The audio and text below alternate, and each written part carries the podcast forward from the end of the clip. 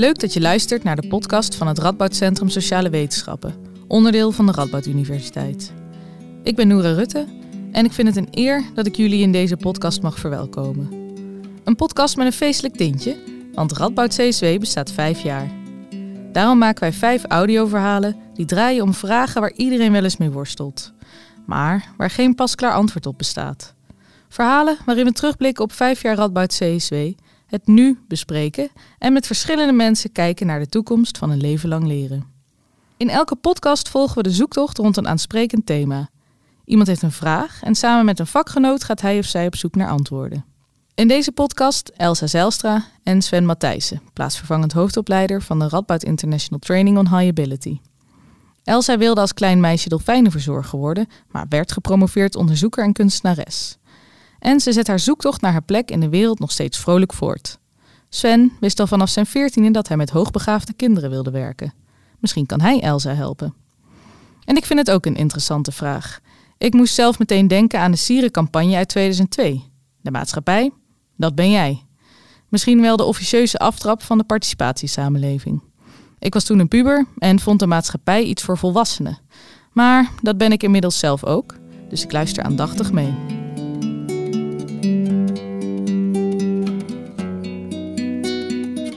Dankjewel, uh, Noora. Uh, ik ben uh, Elsa. ik woon in Nijmegen, 15 jaar. En ik ben basisarts, medische geneeskunde gestudeerd. daarnaast ben ik ook kunstenaar. En ik ben vorig jaar in oktober gepromoveerd op het onderwerp seksueel en huiselijk geweld. Um, ik ben Sven Matthijssen. Ik woon sinds anderhalf jaar in Nijmegen. Kom eigenlijk uit Den Bosch. Mijn achtergrond is psychologie. Uh, maar momenteel werk ik als plaatsvervangend hoofdopleider bij de RITA-opleiding. Dat is een opleiding tot specialist hoogbegaafdheid. En daarnaast doe ik promotieonderzoek naar uh, kindertekeningen van hoogbegaafden. Oké. Ik ben dus um, basisarts geweest, maar ik heb tussendoor ook veel gereisd. Ik kon nooit de studie kiezen. Uiteindelijk dacht ik wil een vak leren. Ik wil iets kunnen doen wat ik overal ter weer kan doen. Uh, er werd geneeskunde. Uh, toen vond ik die grens van de geneeskunde weer te beperkend. Ik ben wel arts in opleiding geweest. Ik heb in de, bij de GGD als jeugdarts gewerkt. En toen zocht ik toch meer naar verdieping en overkoepelende gedachten, public health, de, de grote lijnen. Dat ik dacht van, ik zie hier bij wijze van spreken elke dag tien te dikke kinderen op mijn spreekuur. Wil ik die van dag tot dag blijven helpen? Of wil ik het in het beleid en theorievorming gaan zoeken? Uh, om in de grote lijnen daar iets aan te kunnen gaan doen. Toen ben ik gaan promoveren en ik heb nu een project gedaan over preventieve gezondheid en leefstijlinterventies. Maar dat is heel erg op beleidsniveau. Dat haakt aan bij het Nationaal Preventieakkoord. Dus dat is heel nationaal beleid en dat gaat mm via alle laagjes en besturen en gemeentes en terugkoppelingen. En uh, ik heb net knoop doorgehakt dat ik um, daarmee ga stoppen. Kijk. Uh, dus dat ik nu op dit moment ligt eigenlijk alles open. Ik heb dus ja. wetenschap, mijn artsdiploma, de kunst. Ik heb ook workshops ontdekt, creatieve workshops met kinderen, voornamelijk kleuters. En daar, heb ik, daar hou ik ontzettend veel uit. Ja. Uh, en ik ben heel benieuwd van... Ik, gelukkig heb ik de financiële armslag om mij nu zelf even rust te geven. Omdat ik graag op een punt wil komen van... waar kom ik op uit met dit pakket? En ik ben benieuwd of jij daar gedachten over hebt. Omdat je ook met kinderen werkt die misschien ook een hele waaier aan talenten en interesses hebben. Waar niet meteen een antwoord op is wat je dan zou moeten gaan doen. Ja, ja de kinderen waarmee ik um, als psycholoog heb gewerkt, die, die, waren sowieso heel erg divers. Hè? Ik bedoel, het, het, waren wel kinderen waarbij ja, die je zou kunnen schalen onder het begrip hoogbegaafd, hè, of, of in ieder geval dat er een vermoeden van was, uiteindelijk denk ik zelf, zo ben ik ook getraind hè, uh, bij, uh, bij het Centrum voor Begaafdheidsonderzoek, doet dat er niet zo toe, het, het label per se, of te, hoeft het niet mm -hmm. te doen, zo moet ik het zeggen. Uiteindelijk gaat het om, wat heeft dit kind nodig en hoe ga je daarin voorzien? Want hoe oud zijn de kinderen die, uh, die jij onderzoekt? Uh, nu zijn ze vier tot zes, maar oh, wij ja. we, we ja. willen eigenlijk nog naar jongere kinderen toe. Ja. ja. Dus, okay. dus liefst voorschoolse leeftijd, om, om een beetje die aanpassing ja. nog te voorkomen. Ja, dus je wil eigenlijk juist het spelende kind wel Juist, ja. behouden. Want je kunt misschien zeggen van je moet juist alles vrijlaten en niet zo vroeg al gaan ehm, kijken van oh, op welk niveau en dit en dat. Mhm, Maar ja, mhm. eigenlijk wil jij dat juist er eerder bij zijn om juist creativiteit en vrijheid te behouden in het latere leven. Ja, nou ja, ehm, hoe zou ik het zeggen? Ja, creativiteit. Er zijn heel veel theorieën en, en, en onderzoekers die, die hier ook over nadenken. En ehm, er wordt, denk ik wel, gezegd onder de echte creativiteitsonderzoekers van je hebt dit nodig om tot nieuwe eh, concepten te kunnen komen. Als iedereen alleen maar ja, heel analytisch en, en, en praktisch bezig blijft van, ehm, nou ja, dit is hoe je dat zou moeten doen. Mhm. Ehm, dan blijf je alleen maar in hetzelfde eh, hangen, zeg maar. Hè? De regels opvolgen die er toch al zijn. Ehm, en misschien doe ik nu een bouwde uitspraak, maar zonder die creativiteit was een bedrijf als Apple er niet gekomen. Hè? Mhm. Die, die stapte juist uit Ja, datgene wat, Ja. wat eh, altijd al werd gedaan. ja. En dat is ook waarom een concept vaak de eerste keer wel werkt en de conceptjes daarna al minder populair zijn. Ja, dat is dan- denk ik ook authenticiteit, zeg maar. Ja. Wat je in Apple in het begin misschien heel erg zag. En waar nu heel veel mensen ook, hoor ik ook in al die bestuurslagen, hè, van eh, flexibel, creatief. ehm, hè, maar dat wordt dan wel allemaal weer in bolletjes op sheets gezet. Eh, en dan Silicon Valley als grote voorbeeld. Maar je, ja, als ik daar dan naar luister, dan voel ik toch heel veel eh, scepticiteit, zeg maar. Omdat, omdat je ergens voelt dat de authenticiteit dan ontbreekt. Dan wordt dat ook bijna weer, eh, die creativiteit en flexibiliteit, ook weer in een soort proces met een duidelijk doel ge... Ja, nou, het, het, eh, ironisch genoeg wordt het dan een ding wat moet, wat dus helemaal niet meer creatief is dan. Mhm. Het- je moet het doen omdat het een regel is of zo, of, of het is een ongeschreven regel geworden. Ja, Eh, je moet tegenwoordig flexibel zijn. Nou, hoe, hoe flexibel is die uitspraak? Dus, dus niet flexibel zijn is geen optie meer. Ehm, wat, wat ja, een zeer onflexibele uitspraak is dus. Maar ehm, Ja, want ergens moet je ook, denk ik, altijd kaders en de regels kennen, juist om te kunnen afwijken. Nou, dat- om ook de ruimte het te vinden punt. waar je ook wilt afwijken. Ja, ik, ik denk Ja. dat dat heel erg belangrijk is. Ehm, ik maak misschien een hele gekke, eh, eh, eh, hoe, hoe zeg ik dat nou? Een hele gekke verbinding nou. Maar als je kijkt in de films, ehm, Quentin Tarantino, Mhm. die, die doet heel veel dingen die filmtechnisch gezien niet mogen. Heb ik begrepen van, van een vriend van mij die films maakt. En eh, het, eh, hij doet heel veel dingen die, die, ja, en als je, eh, tenminste ik heb dat als ik die films kijk, ik voel ook vaak spanning. Mhm. Ehm, maar hij kent Ja. de regels. Ik hou er erg van. Ja, ja nou Ja. kijk. Maar hij, ehm, eh, hij kent de regels Ja, en hij, hij breekt ze. En, en, eh, of hij buigt ze. En, en dat is, ehm, dan wordt het functioneel. En dan weet je wat je aan het doen bent. Iemand die dat onbekwaam doet, Mhm. dan zeg je het is een slechte film. Mhm. En eh, dat is denk ik ook een hele waardevolle eh, rol of functie van creativiteit. Hè? De, de regels kennen Ja. om ze te kunnen buigen of omzeilen. Of, in plaats van dat het gewoon onkunde is Ja. wat zegeviert dan. En ik denk als ik terugkijk van naar mijn eh, basisschooltijd en, en daarna middelbare school, ehm, hoe snel je eigenlijk al wel in kaders werd geduwd zonder daar ook echt vraagtekens Mhm. lang bij te stellen. Ehm, of ja, om daar echt vraag, vraagtekens bij te stellen. Ik ben ook opgegroeid Fries dorp en eh, protestantse eh, opvoeding, niet te streng of zo, maar wel gewoon ehm, Het klonk erin door.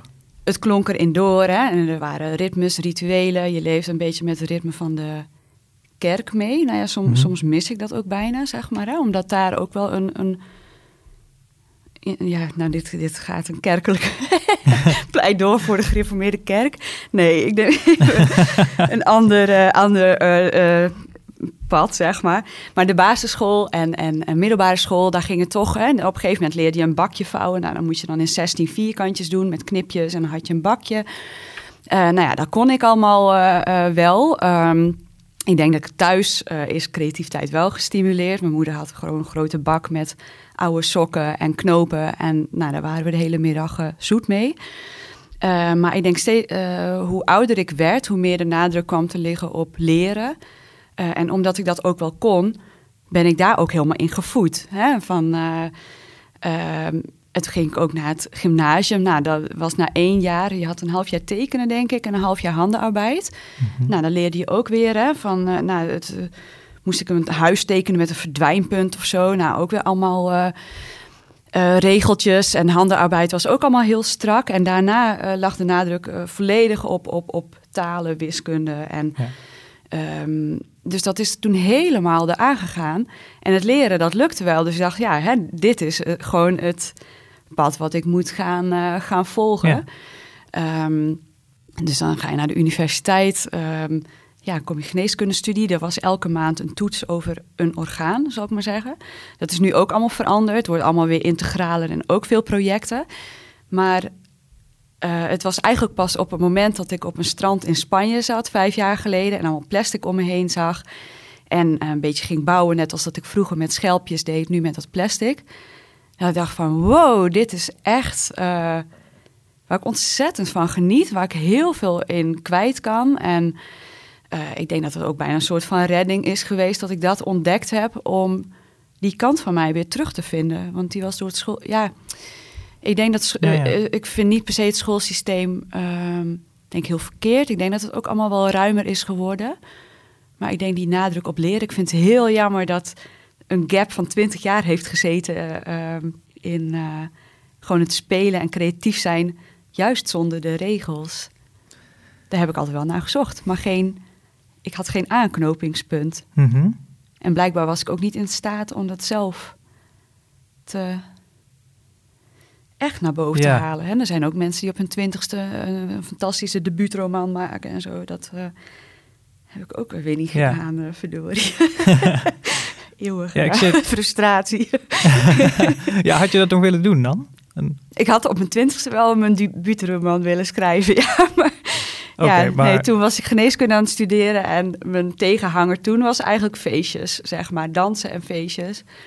Ja, terwijl ik dacht, ik denk dat ik veel had gehad aan kunst en schrijven, om dat meer eh, ja. naar boven te hebben gehaald. Ja, Ja, ik zit, ik zit nog even te denken over wat je eh, zei over, die, over de regels en, en ehm, de vrijheid. Want ik ben zelf wel iemand geweest die altijd vrij makkelijk regels opvolgde. Zeg Ja, maar. dat, ja. ehm, dus ja. ik heb daar niet zo'n... Ik heb dat nooit echt als een, als een mo- moeite ervaren of zo. En ik... eh, een structuur, zeg maar. Ik, ik, ik hou van structuur. Vind, Ja, ik- vind ik best wel fijn. Ja. en en het, het, daar waar die er niet is, daar kan ik hem ook vrij makkelijk aanbrengen. Ja, Eh, en opvolgen is een belangrijke ja. tweede wel, zeg maar. ja, zeker. Ja, discipline ook. Dat, Ja. ja. dat is ook iets wat je ja, precies. Dus ver kan brengen, zeg maar. Waardoor je juist plannen kan uitvoeren die ja, dat denk ik wel. de kaders Ja. gaan. Ja. Maar, maar, maar ehm, ja, heb jij aan de regels in? eh, eh, Heb jij, want wat jij nu doet is toch wel een uniek project, hè? Mhm. Of ja, project, promotietraject. En eh, ook die, eh, ja, het richten op begaafdheid. Mhm.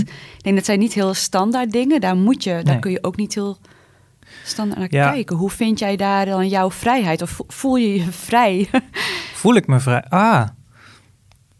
Ja. Oh, dat is wel... hey, dat is een hele leuke vraag. Is misschien zelfs wel een gewetensvraag ook. Hmm. Ehm, voel ik me vrij? Ja, ik voel me vrij te doen eh, wat ik doe. Er zijn natuurlijk wel eh, kaders en structuren, maar ja, daar, daar haal ik dus juist eigenlijk ehm, mm, ja, kracht uit, wil ik niet zeggen, maar het, eh, dat geeft wel houvast bij het Mhm. goed functioneren. En, en nou ja, niet dat ik mezelf wil vergelijken met Quentin Tarantino, maar doordat ik die regels ken en die structuur, weet ik wel waar dat ik hem ook ehm, naar mijn hand kan zetten. Mhm. En, en eventueel een beetje kan omzeilen en dat op een verantwoorde wijze kan doen. Dus ik voel, ik voel ook eh, de structuur, zeg maar, dus, dus dat ik het onderzoek nu zo inkleed zoals ik doe, ehm, is dat ik weet, we, we moeten eerst die wetenschappelijke bijval hebben nog. Dus, dus alle stapjes die we nu zetten zijn heel klein. En dat betekent dat sommige artikelen die we nu publiceren aan zich niet zo heel veel eh, verklaren. Dus eh, ik heb vragen gehad van een paar tijdschriften, het, eh, populaire tijdschriften, die dan vroegen, ja, kun je er eens wat over vertellen? Nou, dan vertelde ik wat ik op dat moment kon Mhm. vertellen, want je hebt als wetenschapper ook een bepaalde integriteit. Ja, ja. En toen zei ze, ja, maar ja, dat is nog niet zo heel veel concreet. Hè? Kun, je er niet wat meer over zeggen? Ik kan er niet meer van maken dan dit, zonder dat ik onzin ga verkopen. En het hele punt dat we dit zo gedegen willen doen, is om te voorkomen dat er onzin Ja, eh, op straat ligt. ja. Ja, en toen hebben de tijdschriften gezegd van ja, dan, eh, Dan, is- dan nu even niet. Nee, nee. Maar daarom zie ik het zo meer als ehm, eh, dat het geheel meer is dan die som eh der delen. En Dus, heb dus je het geduld daarvoor om inderdaad die, die publicaties in te gaan? Hè? Dan kun je behoorlijk ondervraagd worden op, op Mhm. ehm, ja, echt punten en commas, waar ik het op zich ook mee eens ben. Mhm. Omdat ik inderdaad vanuit die wetenschappelijke integriteit moeten mensen weten hoe je het onderzoek hebt gedaan en waarom. Maar heb je het geduld daarvoor om al die stappen te zetten voordat je misschien ja, echt jouw ideeën kunt Hmm. Ja, ik zou soms, uitvoeren. soms denk wel, oh, ik zou het wel liefst wat sneller hebben, ehm, hebben willen doen. Eh, maar ik, doe, ik ben zeg maar begonnen met mijn promotietraject. Eh, ik, ik, ik werkte toen fulltime en ik, deed hem, ik doe hem als externe promovendus. Dus dat betekent eh, naast mijn werk. Ja, Ehm, staat tegenover, het is dus niet je werk, dus je doet het in je eigen tijd. Staat tegenover dat je eigenlijk geen deadlines hebt. Ehm, en dat geeft je dus meer tijd. Maar ja, Ja. je moet het ook in de avonden, avonduren en weekend, weekenden doen. Dus dan gaat het wat trager. En ehm, nou, sinds drie jaar is het onderdeel van een onderzoekswerkplaats. Point is dat, in, ja. in, in Tilburg. En eh, toen kreeg ik dus uren. Hè, dus kon ik, kon ik er ook meer door de weeks aan werken. En toen ging het alweer wat sneller. Maar ja, toen kwamen er ook weer wat deadlines Mhm. bij. Ehm, en eigenlijk vind ik dat, als ik heel eerlijk ben, ik vind het fijn dat ik er overdag, dus of eh, ja, overdag, eh, door de week ook tijd voor heb gekregen. Hè? En dat, eh, daar ben ik super dankbaar voor. En tegelijkertijd zijn ook de, de deadlines die maken dat ik dan denk, ah, dat, dat is wat mij ehm, eh, ja, onrustiger maakt, Mhm. zal ik maar zeggen. Dus daar voel ik dan wat minder vrijheid in. Maar dat is niet terecht, want er is over alles te praten en, Ja, en, en ja. het is heel flexibel. Oké, Of, het- het- tot op zekere hoogte. Er is een absolute deadline, maar verder is er wel wat rek en zo. Dus ja. ehm, ko- in het kort eh, ervaar je dan daar eh, eh, voldoende vrijheid. Ja, dat voel ik dus. Ja, in je onderzoek ja. en ook als mens in de Nederlandse maatschappij. Ja, dat is even een hele Ja, ik doe stap. dit zelf. Hè. Het, is, Ja. het is mijn vrijheid geweest eh, ervoor te kiezen dit te gaan doen. Ja, en vol overtuiging. Hè? De- Ja. Doe je dat en daardoor voelt dit als voor jou een, een vrij pad, je eigen pad. Ja, En wat ook wel meespeelt, denk ik, is ehm, omdat je zei van je bent zo aan het eh, zoeken geweest. Hè? En, en, en, en nog van tussen het wetenschappelijke en het creatieve, het kunstenaarschap. Ik heb wel. ehm, ik schrijf daar ook heel veel toe aan mijn opvoeding. Hoe, hoe dat ik ben eh, opgevoed door mijn ouders. Maar die hebben me wel geleerd eh, echt door te zetten. Dus, dus Mhm. niet als het moeilijk wordt, ja, dan laat je het maar zitten. Maar nee, jij wil dit graag. Jij hebt altijd gezegd, dit wil ik graag. Dan moet je er ook voor werken als het, als het niet, eh, niet in één keer goed gaat. En ehm, dus, dus zo ook. Ik was ook niet van, ja, oké, ik wil die sport gaan doen. En eh, als ik dan zeg, ja, na twee weken, het was toch niet zo leuk. Ja, geef het ook eens een kans, weet je Mhm. wel. Dus, dus leren doorzetten als het even iets minder leuk was, dat heb ik wel heel erg geleerd. ja. En ik weet niet of het daardoor komt, of dat het ook deels van mijzelf is. Maar dat maakt ook dat een beslissing die ik neem niet zomaar... ehm, dat ik die niet zomaar weer overboord gooi of zo. Mhm. Dat, dat, daar denk ik echt wel even over na. ja. En ik wist op mijn veertiende al dat ik psychologie wilde gaan studeren... Ah, ja. met het oog ehm hoogbegaafde kinderen te kunnen onderzoeken, te kunnen begeleiden. Dat is wel een heel duidelijk doel op jonge leeftijd. Ja, want toen varieerde ik nog, zeg maar, van dolfijnverzorger tot journalist. ja, En ja, ja, van, ja, van ehm, ja, uit de beroepstest kwam eh, dat ik danser of choreograaf moest worden. En de wetenschap stond helemaal onderaan mijn eh, Mhm. rijtje. Ehm, en, en ik ben er open dagen ook geweest van eh, bewegingswetenschappen, verpleegkunde, maar ook geschiedenis en Engels. Dus ik had juist ja. dat maakt het misschien soms ook lastig, om, omdat ik dan op een gegeven moment doe ik iets en dan denk ik van ja, ik wilde eigenlijk ook weer die invalshoek bij nemen. En dan denk ik ook wel eens, moet het allemaal in mijn werk zitten? Ehm, of kan het ook op andere manieren bijgevoegd worden? En daarnaast bestaat er bij mij ook een enorme drang dus naar vrijheid ehm, en rust. ik heb Mhm. altijd heel veel ideeën in mijn hoofd, maar ik vind ook... En ik las gisteren nog even de definitie van creativiteit... dat dat hè, het komen tot nieuwe ideeën is. maar ook het uitvoeren ervan. Dus dat vind ik altijd heel belangrijk, dat je niet zo'n brain fart-achtig type wordt met duizend ideeën die nooit worden uitgevoerd. Maar dan wil ik ook dat het wel echt uh, tot stand komt en kwalitatief heel goed is. Mm dus heb ik weer hoge eisen uh, ook uh, in. Um, ik ben benieuwd als jij zegt hè, van je hebt je promotie en ook je hoofd van opleiding. Ik denk in principe zou je er ook allemaal wel willen, maar ik moet zo nu en dan echt los van alles komen naar Griekenland, voet in de zee, overal rommel, uh, vervallen huizen. En dan kom ik weer helemaal tot mezelf. En dat vind ik altijd best wel moeilijk te bereiken in de maalstroom van prestatie en carrière. En ja. wat ik van mezelf uh, vind dat ik moet kunnen. Ik ben heel benieuwd hoe jij dat uh, doet. Uh, of dat die behoefte er ook zoiets is. Of dat je een soort uitlaatklep hebt waar, of nodig hebt. Ja, ja, ik denk dat iedereen wel een uitlaatklep nodig heeft. Mm. Op zijn of haar manier. Um, wat denk ik ook wel helpt bij het, bij het heel gestructureerde ja, leven, wou ik eigenlijk mhm. zeggen. Ik wou hem inslikken, maar ik zeg hem maar gewoon, want dat is het eigenlijk ook wel. Um, hoort ook grenzen aangeven. En uh, mijn collega's, de, ik ben inmiddels flexibeler geworden hoor. Dat, ik weet nog dat tijdens mijn stage, dat ik binnen twee weken met mijn stagebegeleider zat. En dat ik zei, joh, ik weet gewoon niet hoe dat dit gaat. Hè. Dus, oh my god, hoe dynamisch is het hier? Ja. En zij dacht hetzelfde, oh my god, wat een plank is dit. Weet je, dat, dus, dus maar, maar ik ben daarvan ja. teruggekomen. ja. En um, nou ja, de, de, ik heb ook altijd een planning in mijn hoofd. Hè, dus mm -hmm. eigenlijk ben ik continu aan het plannen. Ja. En okay, um, als dus iemand vraagt, Sven, kun je dit doen? Is, nou, was lang, het is, het is al minder, maar was vaak mijn eerste reactie, nee. Want mm -hmm. ik heb een planning, die zit vol, past niet. Mm -hmm. nou, en mijn collega's wisten wel, um, een nee van Sven is geen permanente nee. Dus, uh, en, maar daar zit ook bij, ik kan er heel slecht tegen uh, als iemand valse beloftes maakt. Dus als, als ik iemand iets vraag en die zegt, uh, nee, dat kan ik niet, dat vind mm -hmm. ik helemaal niet erg. Mhm. Maar als iemand zegt, ja, dat doe ik, en die doet het niet, daar kan ik heel erg slecht tegen. Dus ik hou zelf ook niet van valse beloftes maken. Mm -hmm. uh, dus zeg ik liever nee, kan niet. En kom er later op terug. Oh ja, kan eigenlijk toch. Ja. En dat was in het begin zo erg dat ik na een half uur of na een uur kon komen. Oh ja, nee, past toch wel. Ja, Snap je? Dus, ja. Um, maar dat dus de grenzen aangeven. Ja.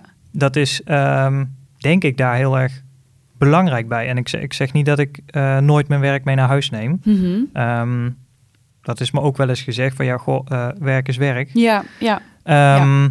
Maar het, het helpt wel heel erg bij dat ik niet zo tot rust moet komen dat ik echt zeg, oké, okay, en nou moet ik echt even weg van alles. Ik ja, kan, ja, uh, ja, niet die, ja, precies, niet die, die extreme, zeg maar, hè, van totale op, uh, op precies. Ja, ja, ik weet niet of dat uh, helemaal bijna isolatie. Als een, ja, ja nee, bijna als een detox of zo. Ja, ja, ik denk dat ook wel een beetje. Ja, ik, ik, ben het ook wel nu gaan leren, hoor, want ik heb ook een agenda met kleurtjes nu. Ik heb stiften mm -hmm. en ik had vroeger al best wel een hekel aan structuur. Dus als ik mensen zag aantekeningen zag maken op mijn studie met een geodriehoek onderstrepen. Dan, sprong ik bijna uit mijn vel. Mm -hmm. Maar wat de resultante daarvan was, was dat ik in de laatste week voor mijn toets moest ik bij iedereen aantekeningen, aantekeningen sprokkelen.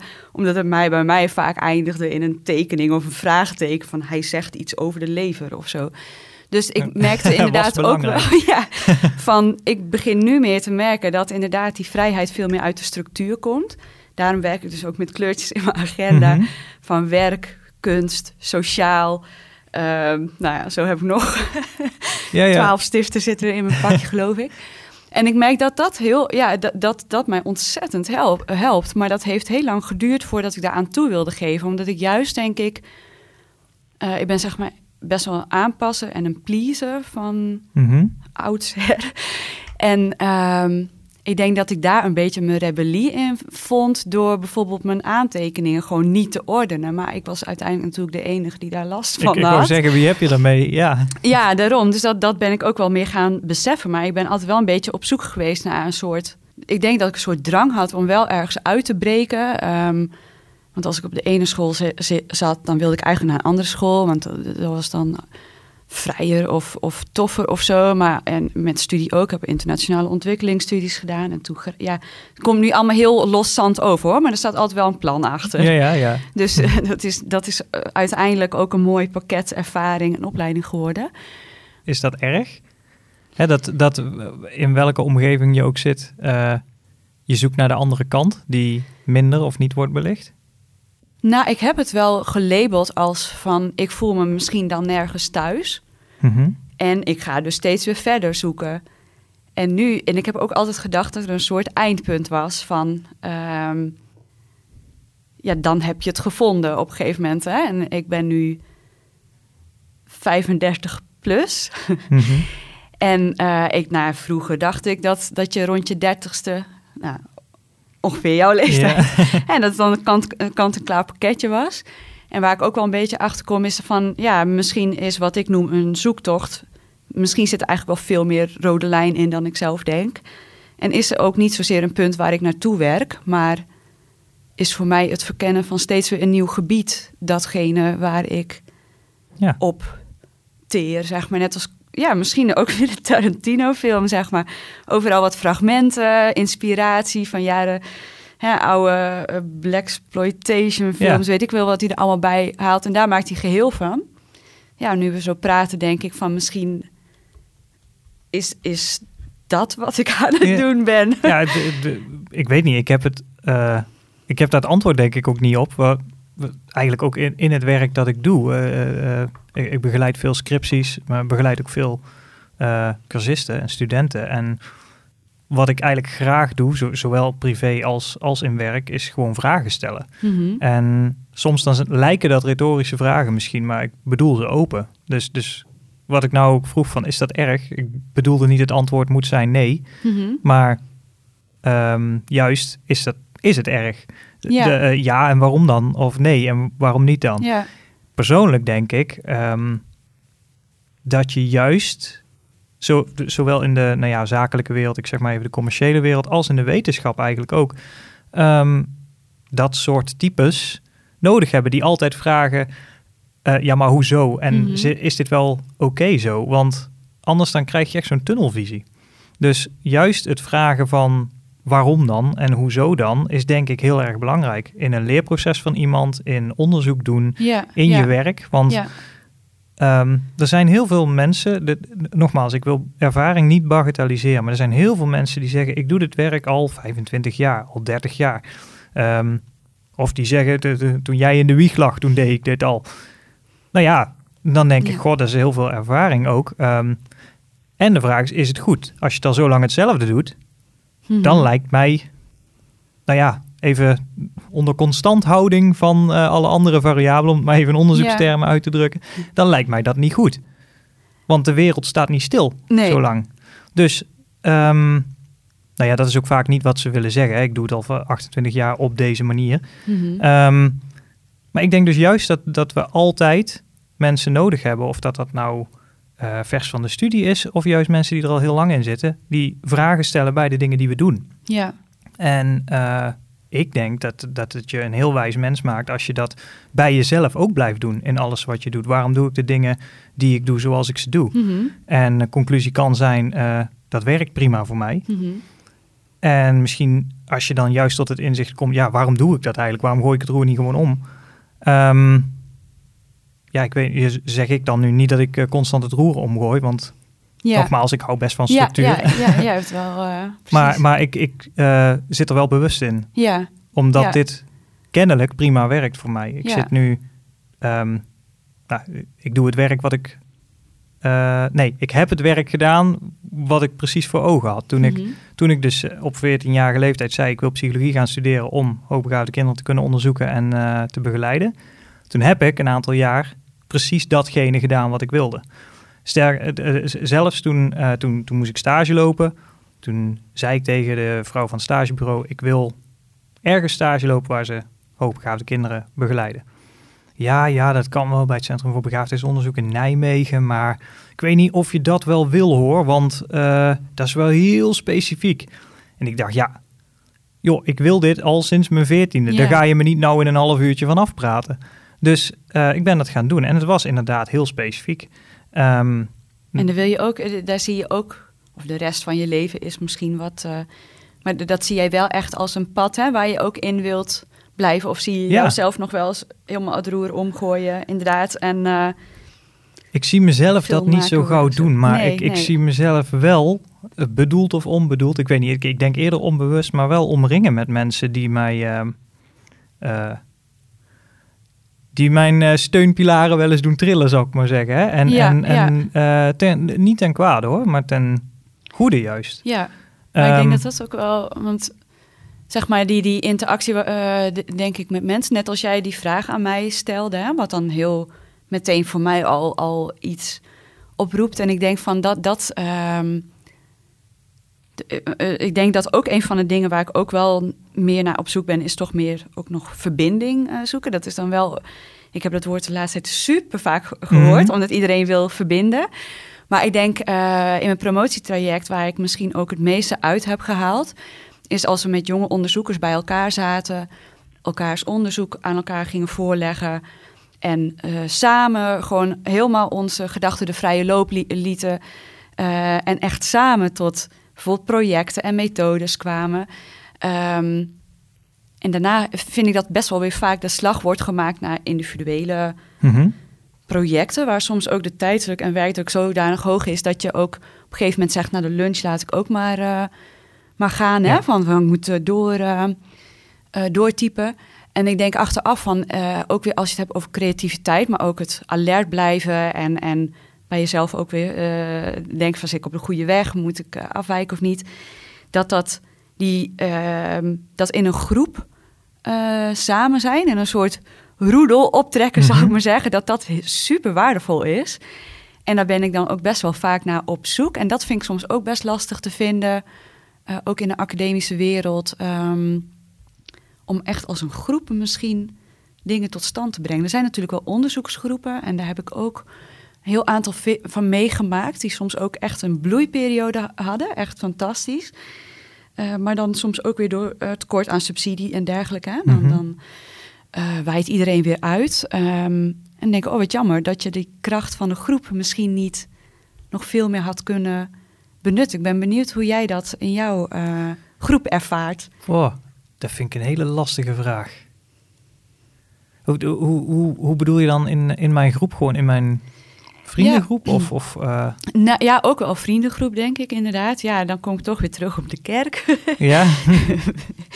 En het was een hele vanzelfsprekende groep. Daar, daar zaten de eh, hele buren en eh hoogopgeleid, laagopgeleid. eh alle afkomsten, asielzoekers, alles werd in die gemeenschap opgenomen. Hè? En dan ging je samen zingen. en de preek, ja, dan ging ik meestal tegels en lampen tellen, omdat het zo heel saai was. maar ik denk wel, dat was wel een groep die samen iets tot stand brengt. Hè? Als er iemand... ehm, eh, en daar was ook iedereen welkom.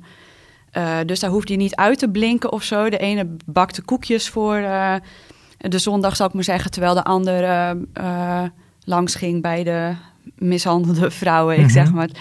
En ik denk zo'n zo'n soort gemeenschap, dat mis ik soms wel. Dat je met allerlei um, lagen, afkomsten um, bij elkaar zit om elkaar meer um, input te geven, zeg maar.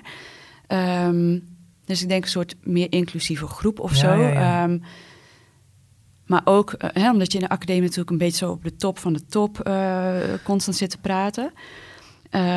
Maar ook binnen die groepen, dat iedereen ook nog vrij individueel werkt.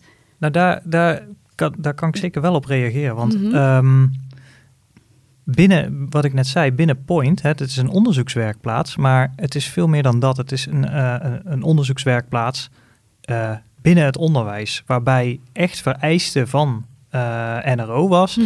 eh, het moet onderzoek zijn met de vraag vanuit de praktijk. Ja, Nou, ontstaan er vanuit de praktijk vaak geen onderzoeksvragen. Het zijn vaak vragen, wat moeten wij doen? Maar dat is Mhm. geen onderzoeksvraag.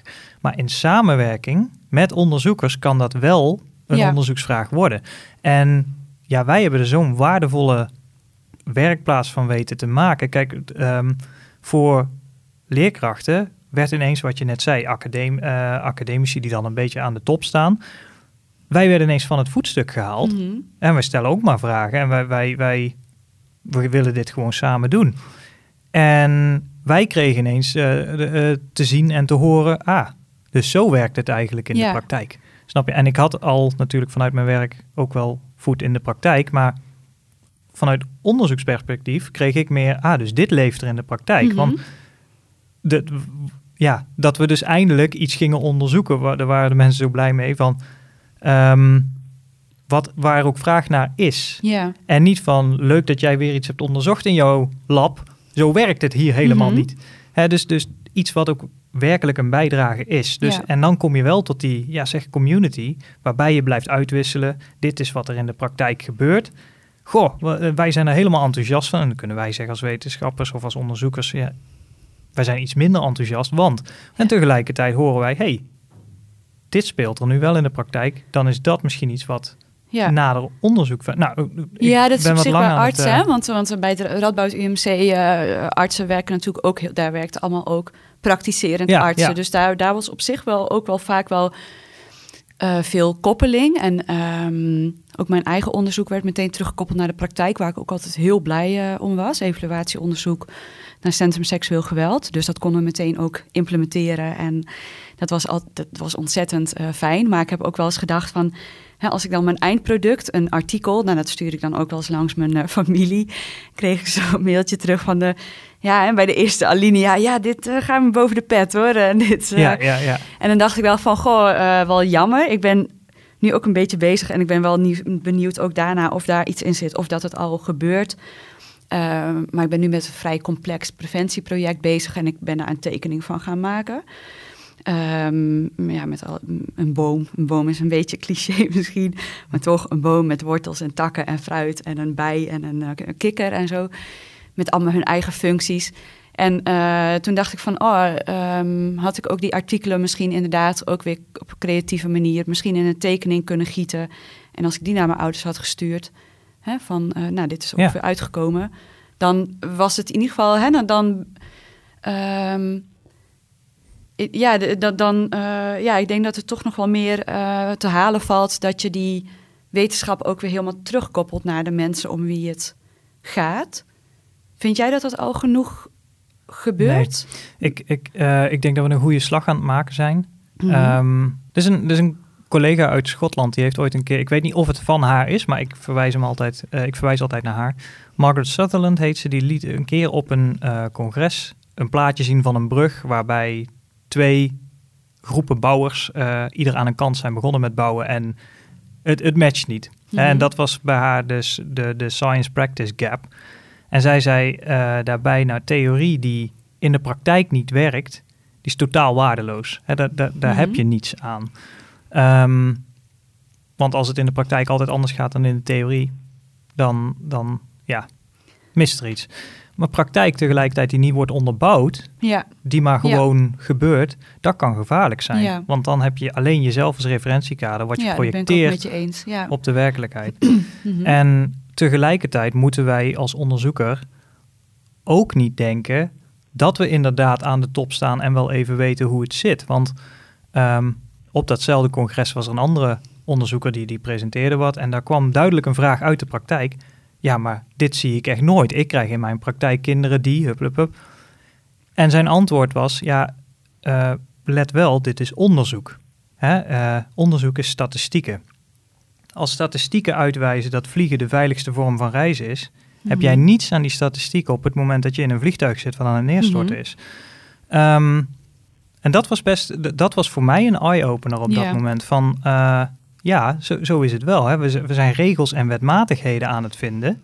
En uh, je moet je er heel erg bewust van zijn dat ieder individueel geval een uitzondering op die regel Ja. of wetmatigheid kan Ja. zijn. Dus ik denk met die bewustwording dat je al Mhm. heel anders kijkt naar, uh, naar de praktijk. En, en ik ben ook dankzij die onderzoekswerkplaats, ik wist het natuurlijk wel, maar ik ben me er veel bewuster van geworden dat ook als wetenschap iets niet kan aantonen, het niet per se zo is, uh, niet per se, per se betekent dat het niet zo is. Mhm. Wetenschap heeft ook, en dan komen we weer op vrijheid, is gebonden aan bepaalde gestandaardiseerde methoden ook. Mhm. En dat iets niet blijkt uit een bepaalde gestandaardiseerde Mhm. setting, zoals een laboratorium, wil niet zeggen dat het in de dynamische setting Ja. van de wereld Ja. wel voor kan komen. Als we het hebben over wetenschap en creativiteit, begint het toch wel weer een beetje te kriebelen ook. Mhm. Omdat Dat we- snap ik wel. Ja. Heel erg. Ja. Maar eh, ik laat je wel over een paar maanden weten waar ik sta. dat is goed. Dat is Misschien goed. zit ik in Griekenland. eh. Ja, precies. Nou, nou, ik ben heel benieuwd. Ik, eh, ik vond het zelf eigenlijk ook wel heel leuk, want ik ben, eh, mijn werk is onderdeel van wie ik ben en ik ben, ja, het maakt onderdeel van mijn zijn, zeg maar. Dus ehm, voor mij was het heel, heel bijzonder eigenlijk om te horen dat je zegt dat je zo'n eh, scheiding hebt eigenlijk, hè, van, van het gestructureerde wetenschappelijke en het heel gevoelsmatige creatieve dan, zeg maar. En, en ik zit dan meteen voor mezelf. Ja, als je die vraag aan mij zou stellen, zou je dat kunnen? Dan zou ik zeggen, nee, absoluut niet. Ehm, en tegelijkertijd ben ik heel benieuwd hoe ik daar na een maand, twee maanden in zou staan als ik eens gewoon een maand met jou mee zou lopen of zo, hè, of twee maanden. Dan ben ik heel benieuwd hoe dat mij Mhm. zou veranderen en, en ehm, wat ik daarvan mee zou nemen. Dus misschien moet ik dat eens gewoon gaan doen. Nou, je bent uitgenodigd, want ik geef ook workshops. En ik merk juist dat het strandafval waarmee ik werk... dat dat niet bepaalde skills of eisen stelt aan mensen. Dus eh, ja, je bent uitgenodigd. ik ben heel top. benieuwd waar eh, toe we komen. Nou, tof. Ja, dan ga je me zien. Ja. Dan eh, ga je me sowieso zien. Dankjewel. cool. hè?